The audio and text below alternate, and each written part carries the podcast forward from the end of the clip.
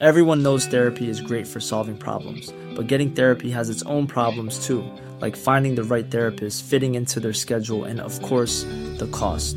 Well, BetterHelp can solve those problems. It's totally online and built around your schedule. It's surprisingly affordable too.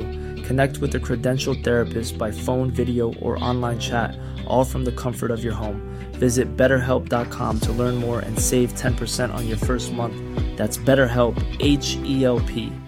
Ready to pop the question? The jewelers at BlueNile.com have got sparkle down to a science with beautiful lab grown diamonds worthy of your most brilliant moments. Their lab grown diamonds are independently graded and guaranteed identical to natural diamonds, and they're ready to ship to your door. Go to BlueNile.com and use promo code LISTEN to get $50 off your purchase of $500 or more. That's code LISTEN at BlueNile.com for $50 off. BlueNile.com code LISTEN. Hey, it's Ryan Reynolds, and I'm here with Keith, co star of my upcoming film, If, only in theaters, May 17th. Do you want to tell people the big news?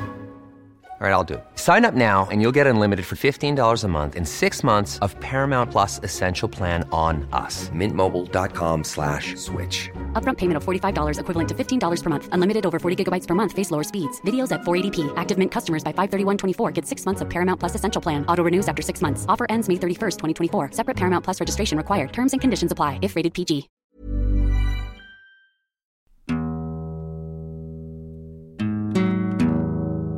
Hei og velkommen til Ordremysterier. Jeg heter Halsten. Jeg heter Silje.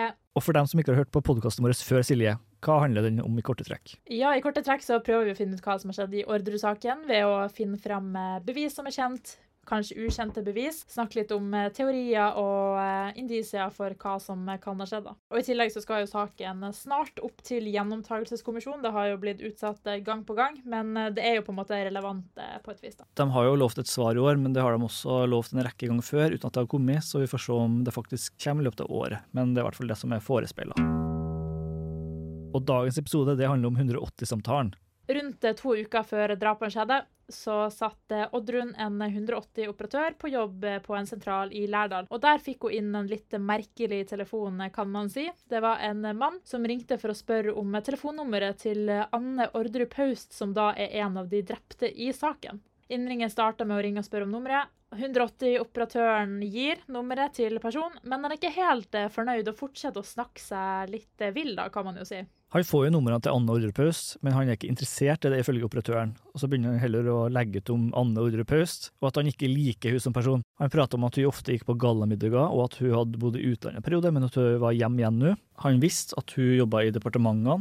Han sendte også til familien hennes på Sørumsand, for han sa at han også hadde forsøkt å komme i kontakt med Marie Orderud og Christian Orderud på Orderud gård, Ja, men de hadde ikke svart. Nei, og han sier at uh, han skal ringe mora når hun kommer hjem, altså Marie, og at eh, Marie kommer til å bli overraska over at det er han som ringer. Og da lurer jeg på hvem er han, liksom? Det er veldig interessant. Det høres ut som personen i hvert fall har møtt Marie før, og prata med henne uten at de hadde nødvendigvis noe nært forhold. Og så begynner han jo å snakke videre, da, litt om Han spør om uh, 180-operatøren har vært på gallemiddag, virker som han er litt interessert i å på en måte småprate, men så tar liksom praten en uh, vending, kan man jo si. En ganske dramatisk vending der han plutselig begynner å si at han skal drepe tre personer i pinsa.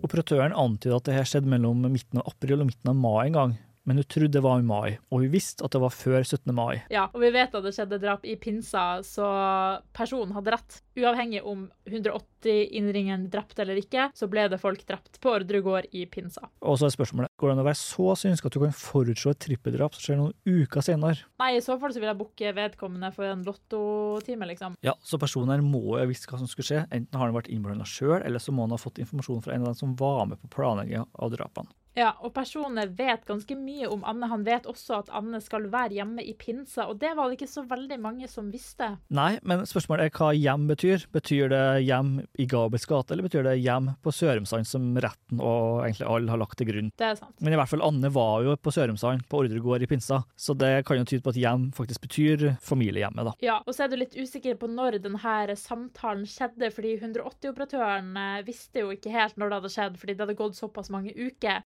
Hun visste at det- var sannsynligvis i mai, som du sier, og at hun hadde prøvd å gi beskjed til sjefen, men at sjefen sannsynligvis ikke var der, fordi hun hadde skrevet en gul lapp, og den fikk aldri sjefen, og den lappen den forsvant. Og hun hadde egentlig glemt av hele greia før det dukka opp i media igjen, etter drapene skjedde. Ja, det må være skikkelig mageknip å se det på TV og vite at du har snakka med en som kanskje kan være gjerningsperson, som på en måte fortalte hva som kom til å skje, men du tok det ikke seriøst. Det er absolutt en tung byrde å vite at du kunne ha forhindra et trippeldrap, ja. Ja, og det er jo selvfølgelig ikke hennes feil i det hele, hele tatt, men eh, det må jo være litt eh, ubehagelig. Hva kan være grunnen til at hun ikke varsla? Ja, fordi hun prøvde jo å varsle til sjefen sin, og hvis hun ikke tok det helt seriøst, så er det jo litt sånn terskel er jo ganske høy for å ringe politiet, tenker jeg da. Hun kunne jo eventuelt ha ringt sånn 02800 da for å gi et tips, men terskel er jo høy da, og hun sier jo at hun skulle gi beskjed til sjefen, men den lappen forsvant, og sånn kan jo skje hvis sjefen ikke var på jobb av ulike tilfeller. Det hun sier sjøl, er i hvert fall at det var mange som kødding til 180, at det var mange som var ensomme og bare ville slå av en prat. For det var en veldig populær tjeneste i 1999, der folk ringte for å få tak i diverse nummer til både kjente og ukjente. Så hun var vant til masse sånne køddetelefoner og diverse, så hun trodde ikke helt på det 180-mannen sa.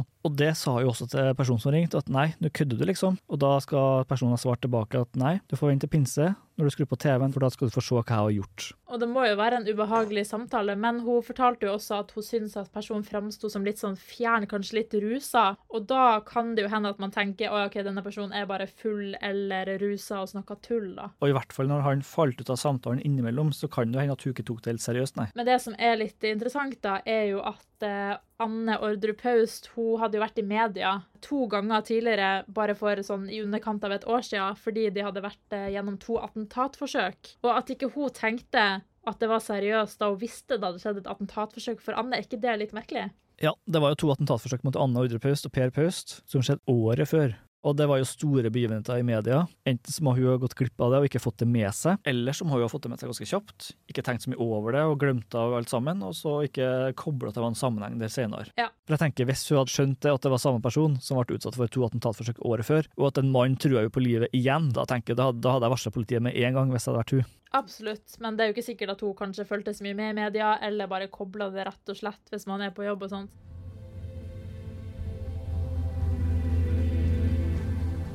Men det hun derimot eh, visste om samtalen, for hun var ikke helt sikker på når det var, men hun var ganske sikker på at samtalen varte mellom fem og ti minutter. Og hun mente også at det var en mann med østlandsdialekt, og hun trodde samtalen var fra Oslo-området. Ja, det var det hun huska. For hun skrev jo faktisk ned telefonnummeret, og det er veldig veldig interessant, for det her kunne ha vært et viktig bevis for politiet, men den lappen den eh, forsvant jo, da. Og det at du skrev det tyder på at det var ikke fra et skjult nummer, men fra en fasttelefon. Ja. Og 108-operatøren var faktisk ganske sikker på at det var ringt fra et fastnummer. Hun skrev ned nummeret på en gul lapp som hun mista senere, men hun erindrer i hvert fall at den første sifra kunne være enten 22 eller 67. Så det er veldig risikabelt fra den som ringte inn og varsla om det drapet, da, hvis personen ville gå under radaren, at han ikke ringte fra et usitt nummer, men at han faktisk kunne ha blitt spora opp hvis operatøren hadde varsla politiet med en gang. Absolutt, og det jeg lurer aller mest på, uavhengig av hvem denne personen som har ringt inn er, er hva er motivet for å ringe inn? Det er jo flere ting man kan eh, spekulere i. Én kan jo hende at personen bare var veldig rusa, fikk et rart innfall, kanskje skulle ha tak i nummeret først, men så begynte å liksom innrømme ting i fylla.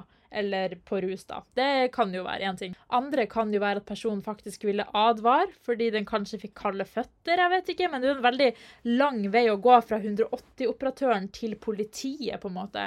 Hvorfor bare ikke varsle politiet? Dette er et godt spørsmål. Det kan jo f.eks. være at personen tenkte at det ekstra leddet der gjorde det vanskeligere å bli spora opp. Men samtidig et viktig vendepunkt i den samtalen det er at han spør om hun har taushetsplikt. Og når hun svarer bekreftende på det, da begynner hun å legge ut om drapsplaner. Ja, og det der å tenker sånn Har personen bare liksom lyst til å lette hjertet sitt? Det kan jo være. Ganske merkelig samtale ut fra det hun beskrev. Det var en blanding av, virka som en blanding av skryt, sjølskryt, for han sa det at det er ingen som kommer til å skjønne til meg uansett. Samtidig som det godt kan være at han ville lette på samvittigheten og hadde et behov for å prate om det som faktisk skulle skje. Ja, absolutt. Og i tillegg så får jo 180-operatøren, for å gå litt videre, um, inntrykk av at denne personen ikke liker Anne. Han sier ganske mye stygt om Anne. Han kaller henne for bikkje og merr, og sier mange stygge ting om henne, faktisk. Bikkje, mer og tispe. Ja. Og så sier han også at Anne har skapt problemer i familien. Og så er jo spørsmålet hvem visste det, på en måte. Det er jo det vi skal prøve å finne ut av denne episoden, og ta alle trådene og ta OK, hvem visste det, hvem kan dette passe til, osv. Og så videre i samtalen så skal han også ha sagt at han skal ikke bare drepe Anne, men han skal også drepe foreldrene hennes, fordi de har lidd nok. Ja. Hva legger han egentlig i det? At de har lidd nok? Ja, det, er det kan det være gårdskonflikten mellom eh, Per og foreldrene. Kan det være at de har lidd nok som foreldrene til Anne? Kan det være helt andre ting som vi ikke er klar over? Det kan jo være så mangt, på en måte. Det er veldig vanskelig å si når man ikke vet helt sikkert hvem som har ringt, og hva motivet er.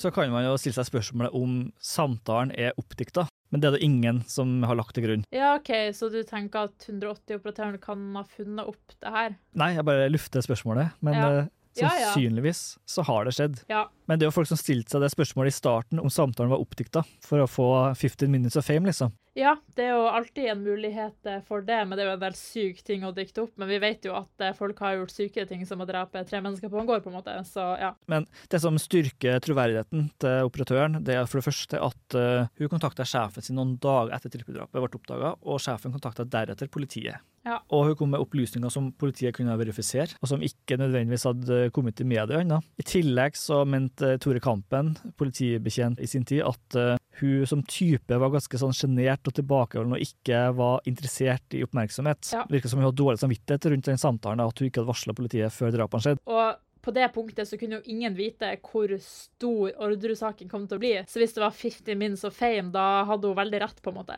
hvordan det kom til å bli.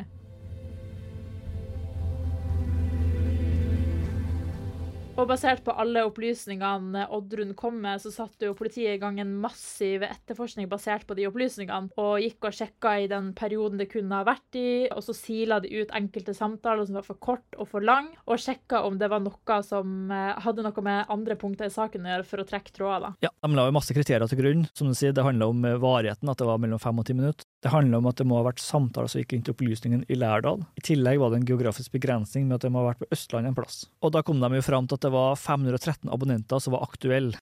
Men det endte opp med at 24 000 personer kunne ha tatt den samtalen. Ja, For man kan ikke legge til grunn at det er bare abonnenten som har ringt, det kan også være folk som var til stede i bygget i det aktuelle tidsrommet. ja. Og så det skal sies, de måtte selvfølgelig også sjekke når Oddrun hadde vært på jobb, da sjekka timeplanen for å se når det kunne vært.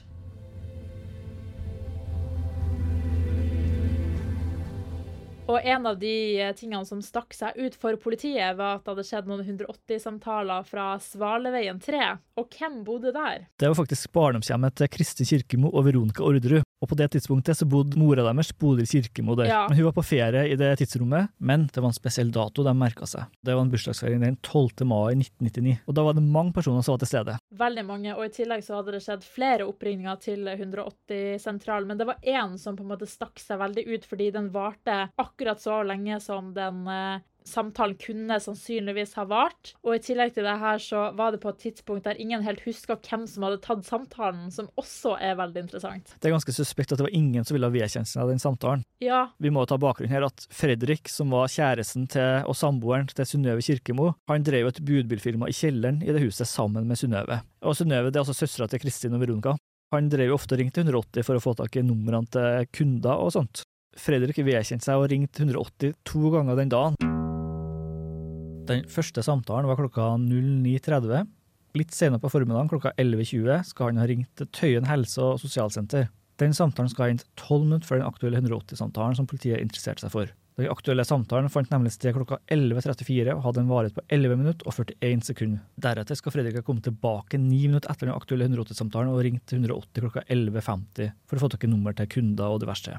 Så det var et veldig smalt tidsrom da, der noen kunne ha gått inn på rommet mens Fredrik var borte. For Fredrik tok jo en pause etter den første samtalen, gikk ut, og så må en annen person i så fall ha kommet inn, tatt samtalen, gått ut ubemerka, og så har Fredrik kommet tilbake. Det i seg sjøl er jo en risky operasjon. ja, og spørsmålet er var det Fredrik sjøl som bare glemte at han hadde den samtalen? Eller var det Fredrik som hadde tatt en samtale via budfirmaet, men tenkte jeg kan ikke si at det var meg, for da kommer jeg til å bli blanda inn i saken? på en måte. Det kan jeg, Men politiet tror egentlig ikke at det er Fredrik, da. Nei, det er sant, eh, men det er bare rart at eh, Fordi jeg tenker jo, eh, mitt personlige syn, er at det mest sannsynlig er Fredrik som har tatt alle tre samtalene, og at de ikke har noe med denne saken å gjøre.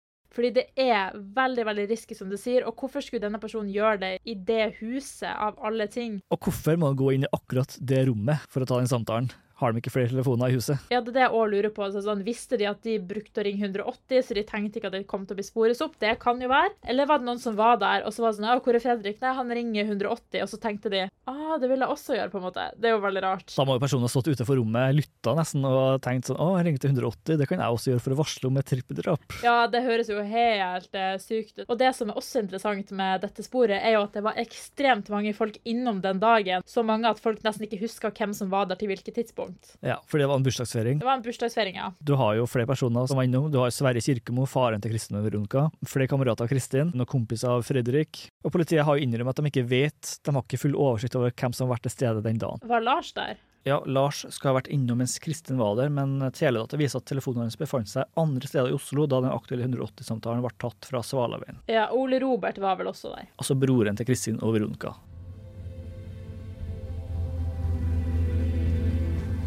Og så, hvis vi går inn på La oss eh, først uh, ta den teorien, da. At det er Svaleveien 3. Hvem av de kan det ha vært? La oss si Ole Robert, da. Hva er på en måte hans motivasjon til å ringe 180? Nå ble jeg veldig til spekulasjoner, men han var jo til stede på juleselskapet i 98. Ja. I en røykepause skal Kristin ha vist fram to pistoler til Ole Robert som hun hadde frakta fra Molde samme dag. Ifølge Ole Robert sa Kristin at pistolene skulle til en torpedo, og det vi har spekulert i tidligere, det er om Kristin eventuelt har sagt noe annet til Ole Robert. Ja, og det er jo ingen som har sagt noe om det. Kristin har ikke sagt det, Ole Robert har sagt det, ingen har sagt noe om det. Men det kan jo hende at han har fått med seg mer enn det vi vet, og at han da tenkte jeg må varsle, fordi jeg vil ikke være innblanda i det her. Så det er absolutt en mulighet, men det er jo ikke dekning for å si. Ikke i det hele tatt. Og la oss si Fredrik, da, kjæresten til uh, Synnøve. Hva, hvorfor skulle det være han, f.eks.? Nei, det kan jo f.eks. være at han har overhørt noe som han ikke skulle høre, og tenkt at han, i og med at han ringte 180 til vanlig, så var det kanskje en naturlig plattform å ringe 180 for å varsle om det her også, da, for å ikke bli oppdaga. Så kan det ha vært Sverre? Og Sverre Kirkemo det er jo faren til Kristin og Veronica. Hva tenker du eventuelt hans motivasjon kunne ha vært, da? Nei, det er det jeg lurer. Kan det hende at han også, som Ole Robert, vet mer? Han var jo tross alt veldig mye med Kristin, og hun var rusa. Kun, kan hun ha sagt noe i rusen, som Sverre har plukka opp, og så sagt videre? Så du mener han kan ha ringt for å forhindre det som skulle skje, uten at Kristin skulle få problemer med politiet? Ja, det her er jo bare en vill teori og en spekulasjon, men nå bare prøver jeg å ta alle som var til stede, for å tenke hva, hvorfor de skulle ha motivasjon for å gjøre det. Ja, vi spekulerer ganske mye, men det er jo også for å prøve å utelukke folk. Absolutt. Og så er jo det store spørsmålet Per. Fordi Sverre skal ha sagt at han har sett Per der den dagen. Men Per sa at han ikke var der. Nei, han sier at han har sett bilen til Per, han hadde ikke sett Per. Nei. Men han hadde hørt fra andre at Per var til stede. Ja, og så hvorfor vil ikke Per eh, vedkjenne seg at han var der eventuelt, da? Nei, det kan jo virke suspekt da, hvis politiet mener at samtalen ble tatt fra Svaleveien. Ja. Og uansett om han har vært der eller ikke, så vil han kanskje komme seg bort ifra det problemet. Og Per sa vel først at han hadde vært der, men senere sa han, trakk han det tilbake og sa at han tenkte på en annen bursdagsselskap at han hadde vært der. Det stemmer, ja. Men politiet har jo sagt at de ikke mener det er Per, og det skyldes jo to ting. For det første sier tidligere politibetjent Tore Kampen i Gotten Orderud at 180-mannen ikke hørtes ut som Per, sånn som har vært beskrevet i samtalen, og at han ikke ville ordlagt seg på den måten som 180-mannen gjorde. Men det er jo selvfølgelig bare basert på synsing. Det andre punktet er basert på teledata, som viser at Per Orderud tok en samtale fra Orderud gård ca. klokka 12.19. Det vil si 38 minutter etter at den aktuelle oppringningen fra Svaleveien ble avslutta. Men det betyr jo det at hvis han har tatt samtalen til 180, så må han ha skyndt seg hjem, og så tatt samtalen på gården. Ja, og da, altså eneste forklaring jeg kan tenke da, er at han fikk et sykt innfall, gikk og ringte 180, angra seg, kjørte hjem i hui og hast og bare Jeg må ha et spor jeg ringer en telefon. Og det høres ikke ut som eh, Per, for han høres for det første ikke så teknisk anlagt ut, og det er jo flere som har sagt Jeg tror ikke det er Per. Nei, jeg tror heller ikke det er Per. Og egentlig så tror jeg ikke det er noen av disse som var til stede under Svaleveien 3 den bursdagen. Jeg tror det her egentlig er et blindspor. Jeg tror det var ingen av de her. fordi hvorfor skulle noen risikere å ta en 180-samtale på en telefon under et selskap? Det er altså altfor risikabelt, for det første. For det andre så var det vanlig at man ringte 180 på den tida. For det tredje så hadde Fredrik et budbilselskap. Så det er naturlig at kanskje han tok denne samtalen, men hadde bare gått i glemmeboka. Eller noen andre har tatt en 180-samtale som ikke hadde noe med det her å gjøre. Jeg tror politiet hang seg opp i det fordi det var ett spor som var retta mot Kirkemo-familien og Orderud-familien, og da tenkte de bankers, vi har den, vi utelukker det andre. Det er som jeg snakka om tidligere, at uh, det er en bekreftelsesfelle å tenke at her har vi treff på Svaleveien, her har noen ringt 180, to av de dømte har bodd der, det må være en sammenheng. Ja. Det trenger ikke å stemme. Nei, nei, nei, og selvfølgelig så er det jo veldig tilfeldig at det har skjedd innenfor samme tidsrom og samme sånn tidspunkt som samtalen angivelig har vart. Det er jo veldig synd for dem, for de har jo blitt dratt inn i sakse enten de var med på det eller ikke, liksom. Men et annet punkt som uh, tilsier at det ikke var den samtalen, det var at operatøren mente at det skjedde på kvelds- eller ettermiddagstid. Og den samtalen her skal komme inn ca. halv tolv på dagtid, så det passer ikke helt i forhold til operatørens beskrivelse av når det skjedde på døgnet. Nei, ikke sant.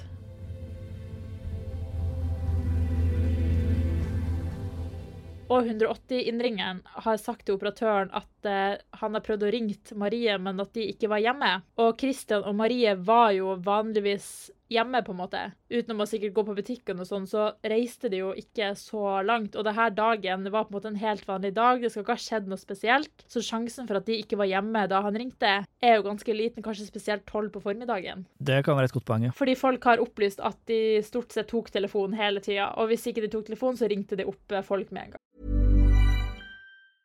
Life is full of awesome what ifs, and some not so much, like unexpected medical costs. That's why United Healthcare provides Health Protector Guard fixed indemnity insurance plans to supplement your primary plan and help manage out of pocket costs. Learn more at uh1.com. Everyone knows therapy is great for solving problems, but getting therapy has its own problems too, like finding the right therapist, fitting into their schedule, and of course, the cost.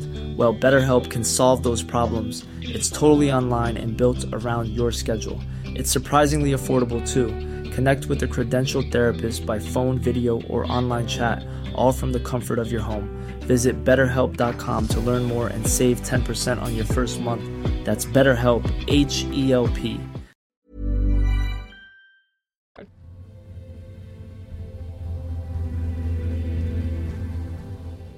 I tillegg til hovedsporet som var svale med tre, så mistenkte politiet en annen person, og det var sønnen til Per Paust. Og Per Paust det var jo mannen til Anne Ordre Paust. Hva var egentlig grunnen til at han kom i søkelyset til politiet? Ja, det var jo rett og slett fordi 180 innringere sa mye stygt om Anne, og det virka som at personen hadde ganske mye imot henne. Og det hadde jo sønnen til Per Paust også på mange måter.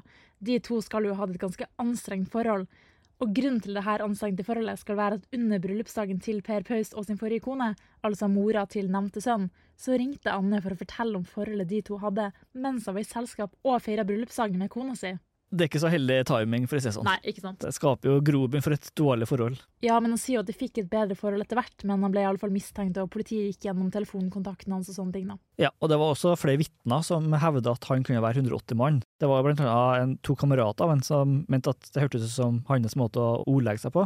Ja. Det med bikkje mer tispe, og flere momenter som de mente pekte i retning av han, men han har benekta det på det sterkeste. Han er også reinvaska av herredsretten, for det var det flere som retta spekulasjoner mot han, om at han kunne være involvert i drapene, men herredsretten har jo på en måte frikjent han da, Ja. for å være involvert.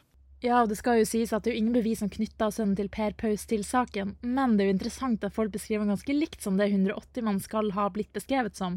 Det er en mann fra Østlandet som hadde noe imot Anne, og var svært kvarulerende. Og det var også en som folk omtalte som en telefonist, og at han rett og slett ringte folk veldig mye, da. I tillegg var sønnen til Per Paus til stede på en skole, en teaterskole som han gikk på, den 26. april 1999. Og da var det en samtale som politiet var interessert i, som var tatt derifra. Men det var kun én av 513 aktuelle samtaler. Så det er bare med i etterforskningsmaterialet, men man har ikke bevis for at den er aktuell på noe som helst vis. Nei, men det her var jo også en slags kobling, da, litt som i Svaleveien. Og her er det én person som har hatt en svært nær relasjon til en av de drepte. Men med utgangspunkt i hvor mange samtaler som var tatt i 180 i det tidsrommet, så vil jeg si at det statistisk sett er ganske sannsynlig at begge sidene var en tilfeldighet. Det tror jeg også, og vi må jo tenke hvor vanlig det faktisk var å ringe 180 før. Det var jo kjempevanlig. Tilbake til det vi snakka om i stad, om hun visste om attentatforsøkene eller ikke. Til politiet så opplyser hun at Inninger kan ha nevnt noe om attentatforsøkene i samtalen, men det kan hende hun blanda med presseomtale av attentatforsøkene. Og da tenker jeg jeg ville ha ringt politiet. Ja, i hvert fall når det har vært så tydelige trusler før. Det var det vi hadde for nå om 180-samtalen, men i neste uke så kommer vi med en del to med enda mer info om samtalen. Og da kommer vi med informasjon som ikke er så godt kjent i media. Ja, og Hvis du likte episoden, gjerne gi oss fem stjerner, gi oss tilbakemeldinger, eller så kan du selvfølgelig følge oss på. Instagram, YouTube og TikTok. Og der heter vi for Ordremysterier. Takk for i dag, ses neste uke, ha det godt. Ha det bra.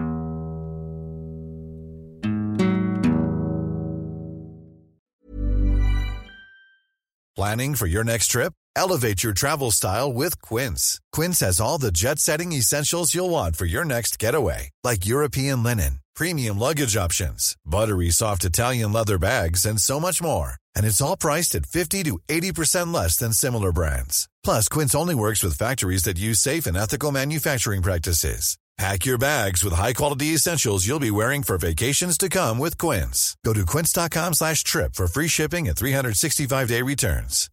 When you make decisions for your company, you look for the no-brainers. And if you have a lot of mailing to do, stamps.com is the ultimate no-brainer. It streamlines your processes to make your business more efficient, which makes you less busy. Mail checks, invoices, legal documents, and everything you need to keep your business running with stamps.com. Seamlessly connect with every major marketplace and shopping cart. Schedule package pickups and see your cheapest and fastest shipping options from different carriers with rates up to 89% off USPS and UPS rates. And with the stamps.com mobile app, you can take care of mailing and shipping wherever you are. Make the same no-brainer decision as over 1 million other businesses with stamps.com. Sign up with code program for a 4-week trial plus free postage and a free digital scale. No long-term commitments or contracts. That's stamps.com. Code program.